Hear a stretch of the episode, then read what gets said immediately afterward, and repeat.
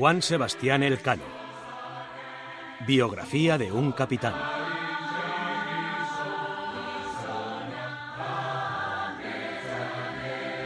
Capítulo tercero. Camino de Brasil.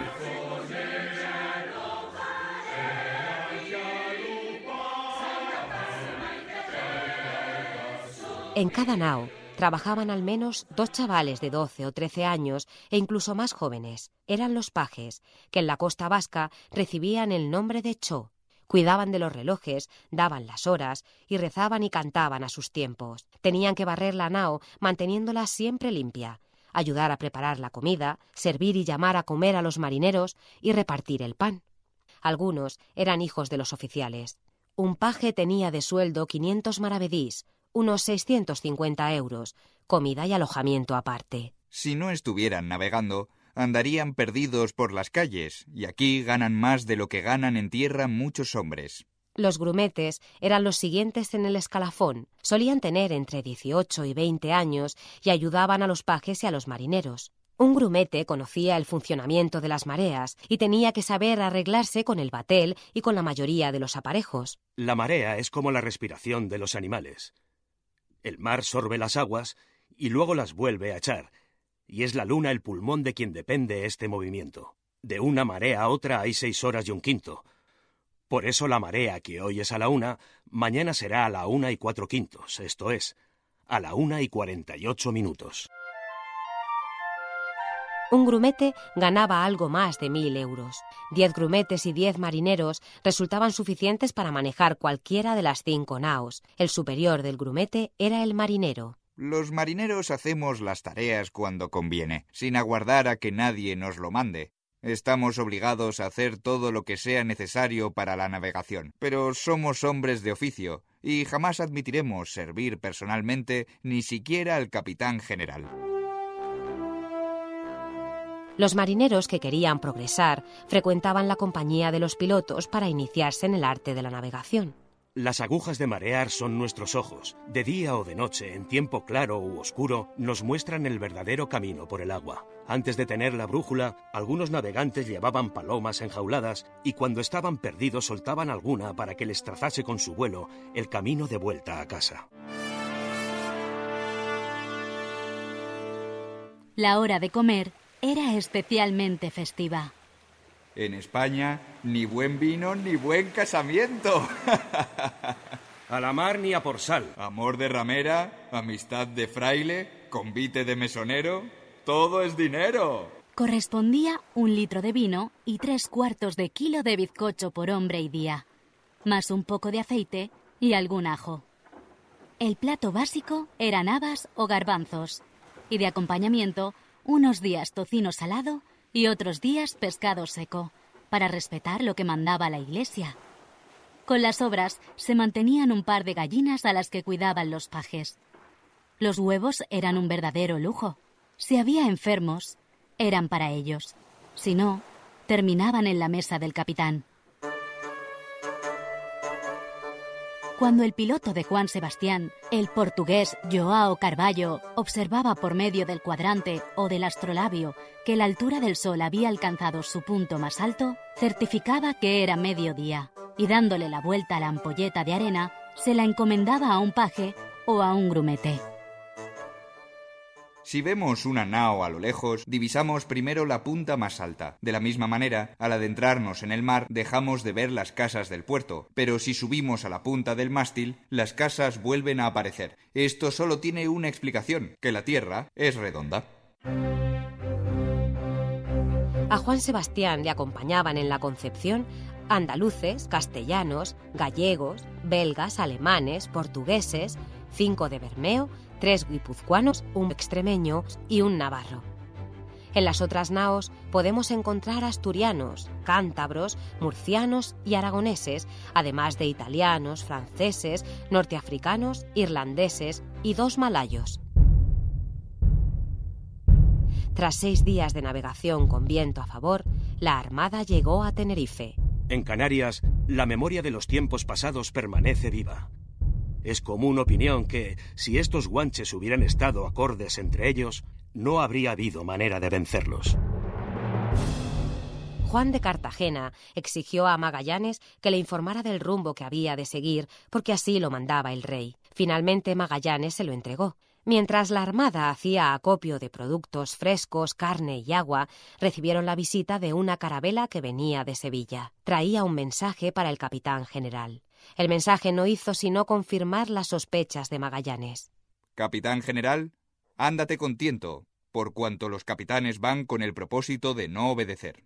Algunos marineros escaparon y otros tantos fueron contratados. Uno fue admitido porque sabía hacer carbón. A medianoche, la Trinidad aprovechó la brisa nocturna que sopla desde los montes hacia el mar para adentrarse nuevamente en el océano, mientras las otras cuatro naos la seguían dócilmente.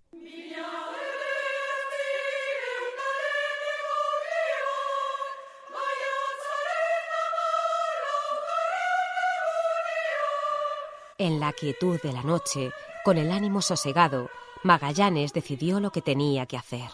El fuerte sabe esperar.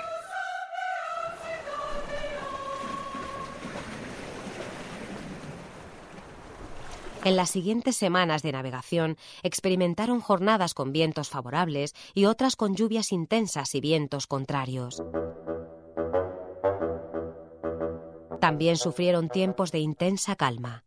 La ausencia del menor soplo de aire dejaba a las naos inmovilizadas y a merced de la corriente pudieron observar que eran seguidos por manadas de tiburones. Los marineros prepararon anzuelos del grueso del dedo pulgar y de palmo y medio de largo, que iban soldados a un trozo de cadena de hierro. Les ponían trozos de pescado o de tocino y los arrastraban por popa.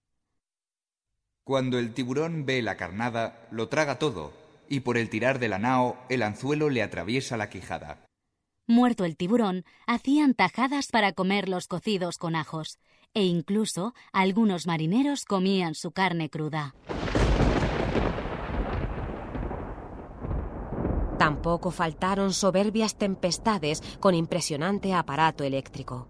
Allí vieron un misterioso fuego sobre las puntas de los mástiles.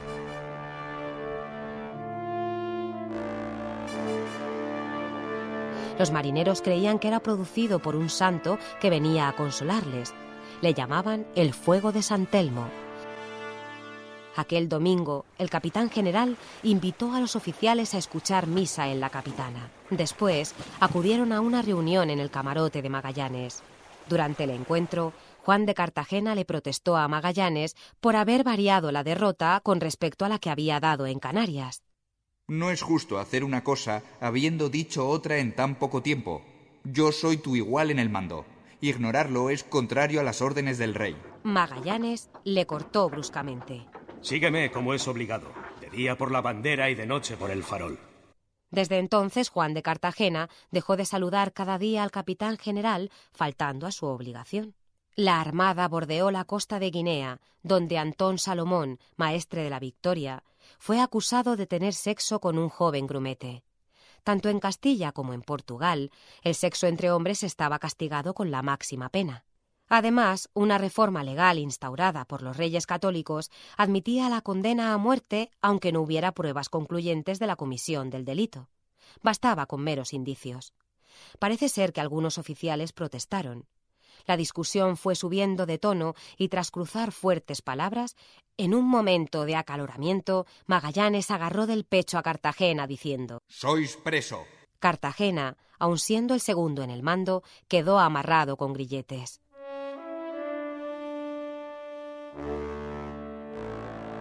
La armada navegaba hacia Río de Janeiro.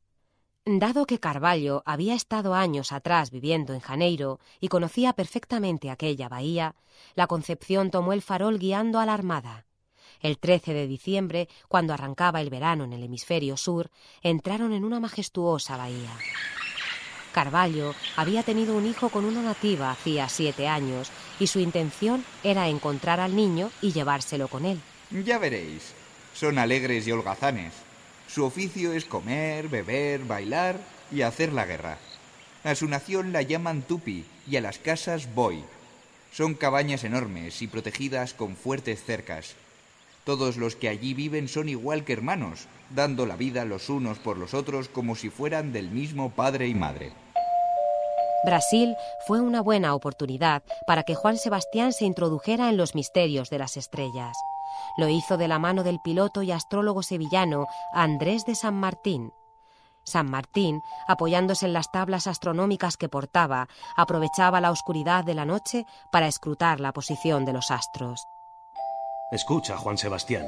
Si un eclipse lo ven en Jerusalén a cierta hora y en Sevilla lo vemos a otra, por cada hora de diferencia sabemos que hay una separación de 15 grados entre los meridianos de ambas ciudades. Compraron aves, frutos y carnes con gran placer, dado que llevaban más de dos meses sin tomar alimento fresco. Por un anzuelo o por un espejo, los indios nos dan un cesto lleno de pescado y se van contentos con el negocio. Carvalho habló a los indios en su lengua y marcharon en busca de su mujer y de su hijo. Los indígenas no usan hacer bodas ni ceremonias. El casamiento no es más que quedarse el hombre y la mujer en una habitación. Los hombres dejarán a sus mujeres cuando quieran y tomarán otras, pero si a las suyas las encuentran en adulterio, o las matan o las venden.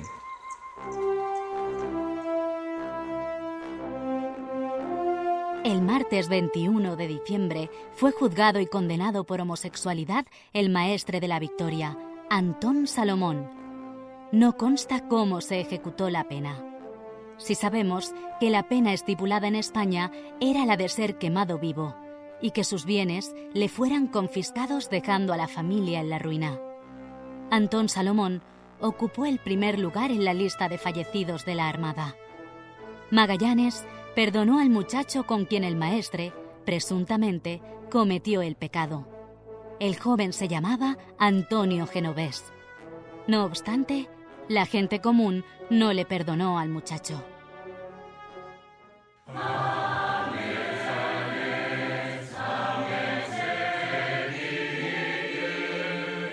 El 27 de diciembre, aprovechando los vientos del nordeste que les eran favorables, se recogieron los bateles y Magallanes dio la orden de partir. Durante un trecho les acompañaron las gentes de la tierra que con gran fiesta hacían sonar sus tambores roncos, tañían cuernos y bocinas de caracolas y cantaban a la vez que lanzaban flechas al aire.